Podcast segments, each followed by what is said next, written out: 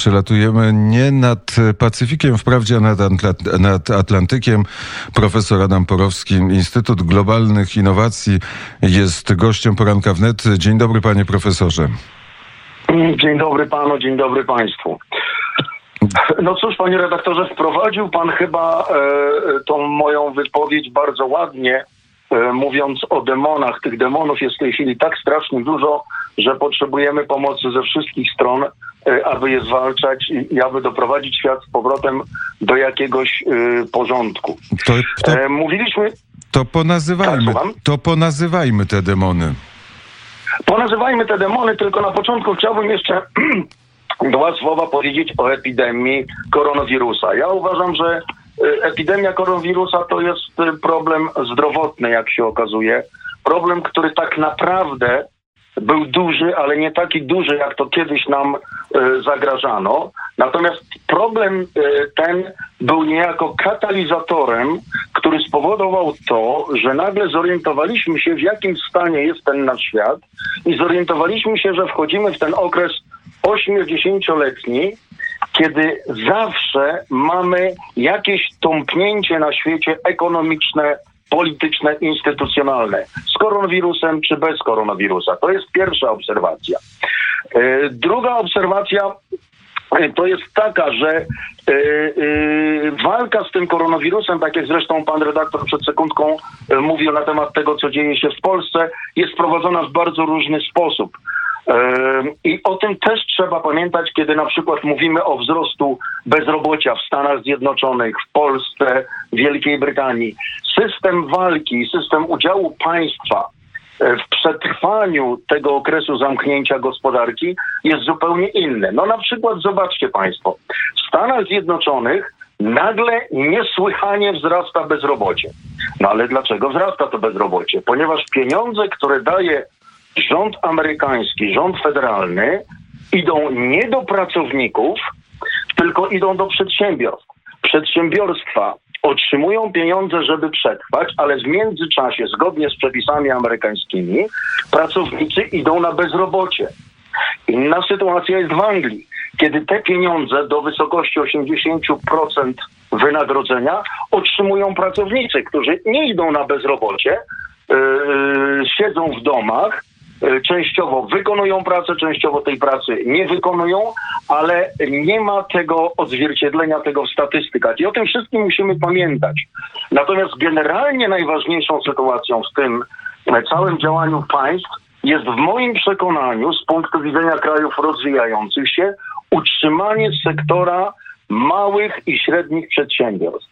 Bo istnienie tego sektora małych i średnich przedsiębiorstw to jest również istnienie tak zwanego American Dream, czy English Dream, czy jakkolwiek byśmy tego nie nazwali, to jest istnienie klasy średniej. Bez klasy średniej efektywność systemu kapitalistycznego może nam bardzo spaść. Są również w tym bardzo istotne niebezpieczeństwa. Bo jeśli nie uda nam się tego sektora y, średnich i małych przedsiębiorstw utrzymać, a ja powiedziałbym nawet rozwinąć, no to jakie mamy alternatywy? Alternatywy mamy takie, że ten osławiony współczynnik Gini, który pokazuje nam rozwarstwienie dochodów w poszczególnych społeczeństwach, jeszcze się zwiększy. To znaczy bogatsi, wielkie korporacje staną się bogatszymi, a ludzie staną się biedniejszymi. Innym rozwiązaniem jest to, że większa ilość gospodarstwa narodowego przejdzie w ręce państwa. Jedno i drugie rozwiązanie jest bardzo złe, bo one powoduje to, że to, co jest motorem napędowym kapitalizmu, przestanie tak dobrze działać. To znaczy, tym motorem napędowym to są ludzie. To są ludzie, którzy myślą, którzy chcą coś zrobić i y, którzy w związku z tym zakładają te swoje małe przedsiębiorstwa, które gdzieś tam działają. I teraz jak pan redaktor mówił o tym, że w Polsce i w innych krajach zaczynamy powoli y, otwierać te gospodarki. No, zaczynamy je otwierać, bo tych zachorowań nam specjalnie nie przybywa, ale również zaczynamy otwierać dlatego, że właśnie ten sektor y, średnich i małych przedsiębiorstw zaczął się po prostu buntować. W Stanach Zjednoczonych y, w kilkunastu stanach mieliśmy dosyć intensywne takie rzeczywiście społeczne manifestacje, demonstracje ludzi, e, którzy żądali od swoich gubernatorów aby rozpoczęto otwieranie gospodarki, ponieważ oni muszą przeżyć. Ten mały przedsiębiorca był w zasadzie najbardziej ukarany y, zamknięciem y, gospodarki Stanów Zjednoczonych. Przykład. Rozmawiałem z panią w Maryland w ciągu weekendu, y, która jest osobą, która ma mały sklep produkujących ubranka dziecięce. Ona zapytała jedno, jedno bardzo ważne pytanie. Dlaczego ja w swoim małym sklepie nie mogę prowadzić handlu ubrankami dziecięcymi, które produkuję sama w Stanach Zjednoczonych, ale Walmart jest otwarty i sprzedaje ubranka dziecięce produkowane w Chinach.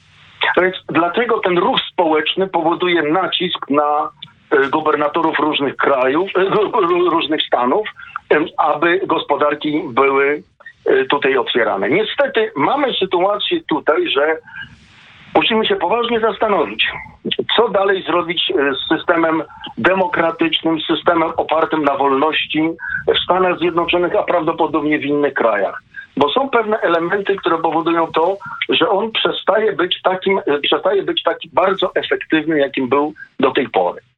E, tak jak kiedyś rozmawialiśmy, Konstytucja Stanów Zjednoczonych bardzo różni się od konstytucji krajów europejskich. E, siedem artykułów, 27 poprawek, malutki dokument. Ale ten dokument mógł być interpretowany zawsze pod warunkiem, że był interpretowany w sposób pozytywny. To znaczy z interesem tego kraju pod nazwą Stany Zjednoczone, a nie z interesem jakichś grup y, y, przedsiębiorców, korporacji, grup politycznych i tak dalej. Walka polityczna, która w tej chwili odbywa się przed wyborami w Stanach Zjednoczonych, jest smutna do obserwacji, jest na niskim poziomie i nie ma większego sensu. Niestety, e, różnego rodzaju siły po stronie lewicowej, które używają bardzo różnych y, metod, nawet metod poniżej pasa, metod typu przekręcania wypowiedzi prezydenta, metod krytykowania wszystkiego i wszędzie, co się robi, mimo że są określone efekty tego. Takie efekty jak na przykład, czy pamiętacie Państwo, jak rozmawialiśmy 3 czy 4 tygodnie temu, mówiliśmy, że nie ma odpowiedniego wyposażenia w stanie Nowy Jork y, do walki z koronawirusem. No jesteśmy te trzy tygodnie później. W tej chwili Stany Zjednoczone eksportują E, wyposażenie e, do innych krajów, ponieważ mają tego za dużo. W tej chwili pamiętacie Państwo statek wojskowy, szpital wojskowy, który został, e, który, okręt wojskowy, który popłynął, popłynął do Nowego Jorku, żeby służyć jako szpital tam on już w tej chwili nie ma, nie ma, nie ma potrzeby, żeby on tam był, więc on z powrotem do swojej bazy wraca. Więc Stany Zjednoczone po pewnym okresie czasu, ze względu na zupełnie dobry program walki, trudnej walki z tym koronawirusem, doprowadził do określonych efektów. Na marginesie. Ja niedawno oglądałem taki wykład, który został zrobiony przez brytyjski Oxford University z kilkoma uniwersytetami e, w Stanach Zjednoczonych. Tam było powiedziane, w jaki sposób nale- powinni zachowywać się liderzy w sytuacji takiego kryzysu. I powiedziano między innymi takie rzeczy, że oczywiście nie wiemy, co mamy zrobić, bo nie mamy napisanego jakiegoś planu na taki nieoczekiwany kryzys. Więc ci liderzy muszą słuchać, muszą zmieniać swoje opinie, muszą wdrażać bardzo różne y, y, y, narzędzia działalności i te narzędzia działalności zmieniać. To jest nic innego, tylko to, co w swój specyficzny sposób robił pan prezydent Trump i robili inni gubernatorzy e, w Stanach Zjednoczonych. To wróćmy na chwileczkę, do, to wróćmy na chwileczkę do tej bitwy, która jest w Waszyngtonie, bitwy politycznej, o której pan powiedział, że e, smutno się na nią patrzy, bo wygląda na to, że po jednej stronie w tej bitwie uczestniczy prezydent Donald Trump, a po drugiej stronie bitwy wcale nie polityk uczestniczy, tylko e, jeden z najbogatszych ludzi świata, filantrop Bill Gates. No, znaczy sytuacja Billa Gatesa to jest bardzo dobry przykład, ale to nie jest tylko Bill Gates. Natomiast no, ja pozwolę sobie przekazać własną opinię, ona być może będzie skrytykowana, ale wróćmy do osławionej organizacji, Światowej Organizacji Zdrowia. No, jest dla mnie bardzo dziwne, że w organizacji, bo specjalnie przestudiowałem, przestudiowałem statut tej organizacji, członkami tej organizacji są kraje, kraje, państwa, które są członkami Organizacji Narodów Zjednoczonych. nie jakieś prywatne, prywatne osoby. Proszę mi zatem wytłumaczyć, w jaki sposób e, Bill Gates przekazuje tej organizacji e, fundusze wielkości około 75% tego, co przekazywane było przez Stany Zjednoczone e, tej organizacji. No, chcą tak przekazujemy, ja wierzę w filantropię.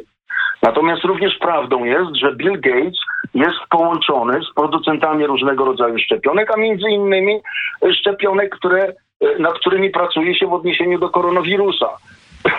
Dla mnie to pachnie troszeczkę źle, ale to jest pewna rzecz symptomatyczna. Bo teraz musimy się zastanowić, kto rządzi tym światem.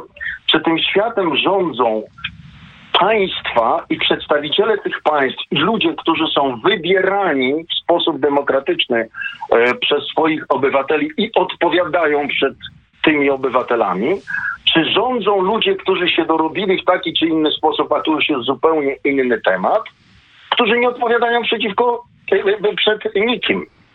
Taką samą sytuację mamy przy różnego rodzaju innych wielkich międzynarodowych projektach, no na przykład wielki projekt 5G, który jest robiony wspólnie z Chińczykami dlatego oni dosyć szybko rozwinęli ten system e, przez pana Maska, między innymi również przez pana Gatesa i tak dalej. No, to kto to robi? Państwo, czy to robią prywatne osoby? Jeśli prywatne osoby to zrobią, to te prywatne osoby mają siłę mają możliwość manewrowania społeczeństwem, mają możliwość w zasadzie wykonywania władzy bez żadnej odpowiedzialności. No to chyba dla żadnego systemu nie jest dobre. To... Ja muszę powiedzieć, dlaczego. Tak, słucham. To ja słucham. Ja muszę powiedzieć, że tak się zastanowiłem, dlaczego ten, ten prezydent Trump, poza tym, że ktoś go może lubić, ktoś może go nie lubić, bo zachowuje się troszeczkę w inny sposób niż inni prezydenci, ale tak jak pójdziemy do historii troszkę do tyłu, to inni prezydenci zachowywali się w jeszcze inny sposób i to było albo bardziej śmieszne, albo bardziej przerażające. Ale ja niedawno musiałem jeszcze raz wysłuchać mowy inauguracyjnej pana prezydenta Trumpa w momencie, kiedy został zaprzysiężony dla prezydenta. Ja proponuję, żebyście wszyscy Państwo jeszcze raz tej mowy wysłuchali. Otóż co on zrobił? On podczas tej mowy wywołał wojnę całemu temu establishmentowi, który jest y, z, w Waszyngtonie. To znaczy ludzie, którzy tam siedzą od lat, mają ciepłe posadki i żeby utrzymać te ciepłe posadki, to kierują polityką Stanów Zjednoczonych e, różnymi prezydentami, różnymi ministerstwami i tak dalej, i tak w taki sposób, który im odpowiada, a nie odpowiada realności e, tego świata. To jest jedna rzecz. Wracając do tych bardzo bogatych ludzi, to oni też kierują zgodnie ze swoimi interesami. I teraz przejdźmy do Chin. No bo mamy w tej chwili sytuację, że na świecie będziemy mieli tak, albo odrodzą nam się i z powrotem uzyskają pewną siłę kraje demokratyczne, kraje oparte na wolności. Nie wchodźmy już w szczegóły, czy bardziej, czy, czy mniej lewicowe, prawicowe i tak dalej. Albo przykładem rządzenia światem będzie kraj, kraj totalitarny jak Chiny. Tylko teraz mówiliśmy wcześniej o tym, że Stany Zjednoczone bardzo by chciały przenieść tą produkcję, którą głupio przeniosły do Stanów Zjednoczonych. Do Chin. Z powrot, y, do Chin, przepraszam, z powrotem do Stanów Zjednoczonych. Problem polega na tym, że to nie Stany Zjednoczone przeniosły tą produkcję, tylko właśnie ci bogacze. Po to, żeby zarobić dodatkowych kilkanaście y, y, miliardów dolarów na wykorzystywaniu Chińczyków, na wykorzystywaniu pracowników w Stanach Zjednoczonych i tak dalej. A więc nie będzie to łatwe myśmy generalnie zapomnieli i nie docenili, co to będzie oznaczało dla gospodarki światowej, kiedy nagle w gospodarce dobrze zorganizowanej od czasu wejścia y, Chin do y, y, Światowej Organizacji Handlu przybędzie nam pewne mocarstwo z jednym miliardem ludzi. I teraz to mocarstwo jest niesłychanie mądre.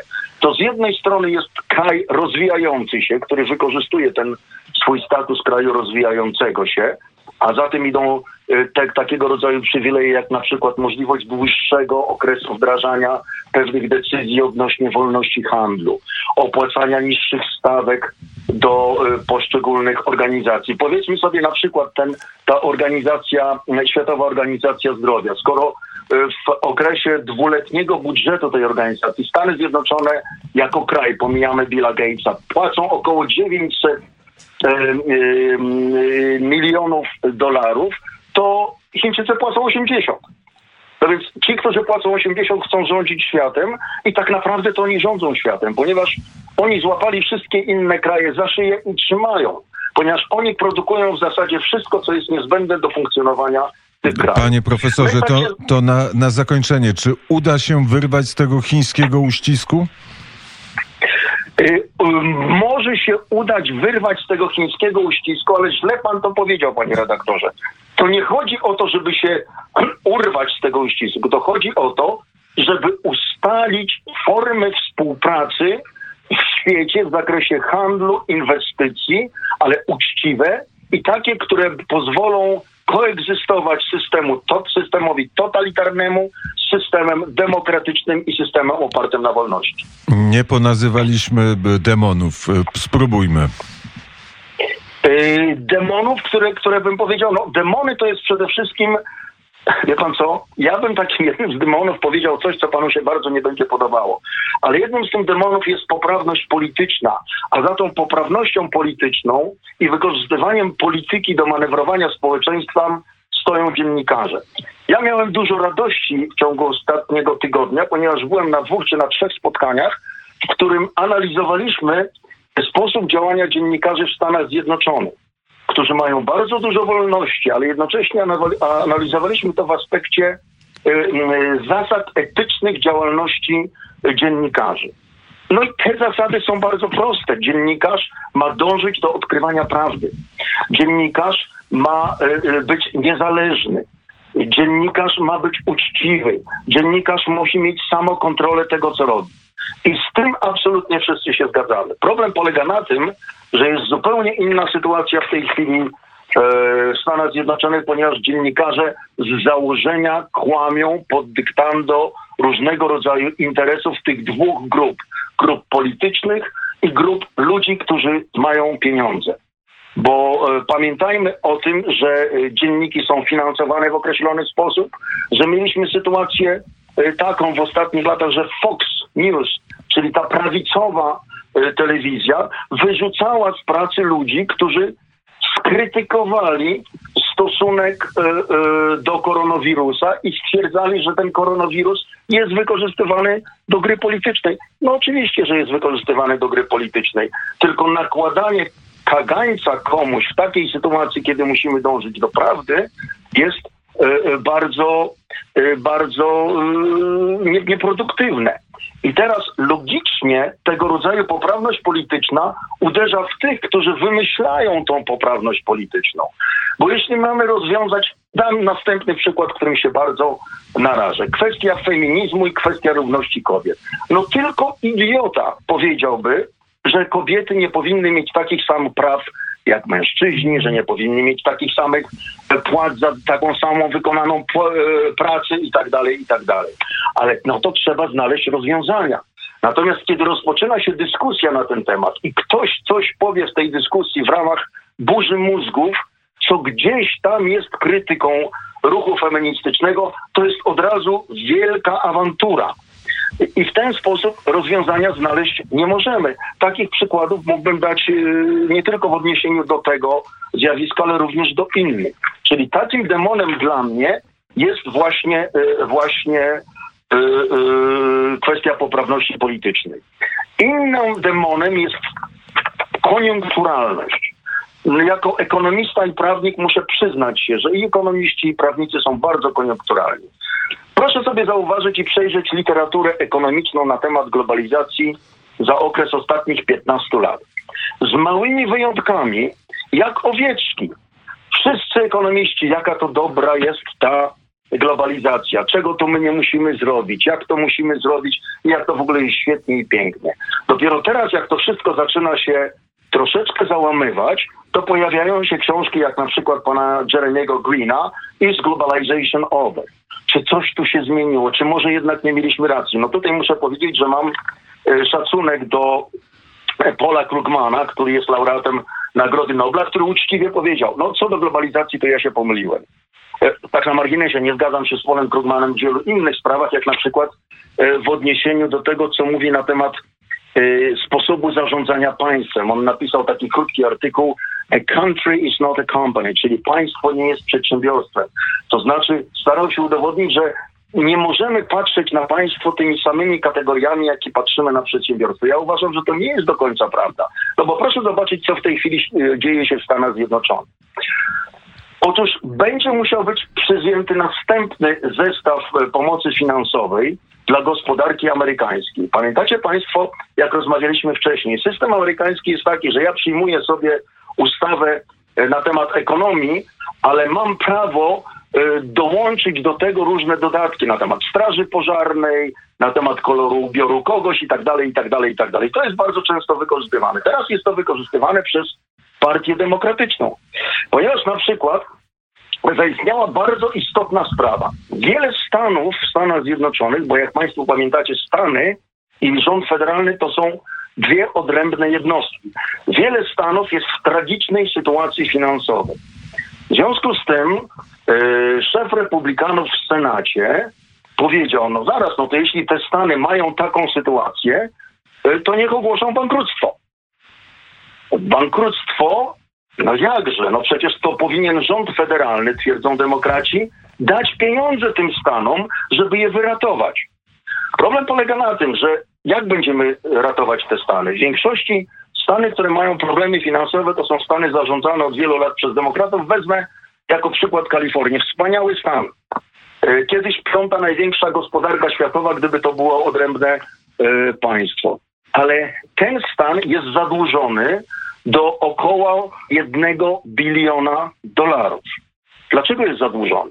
Ano zadłużony jest dlatego, że w ramach różnego rodzaju liberalnych pomysłów wpuszczono do tego stanu na przykład kupę nielegalnych migrantów, którym dał, dano y, służbę zdrowia, dano szkolnictwo i tak dalej, i tak dalej. To jest jeden z wielu, z, z wielu działalności tego stanu, który spowodował, że on jest w tak tragicznej sytuacji finansowej. To teraz ze względu na to, że mamy koronawirusa i trzeba pomóc gospodarce Stanów Zjednoczonych, koledzy demokraci twierdzą, że trzeba zapłacić te wszystkie długi, które Kalifornia sobie zrobiła przez wiele lat.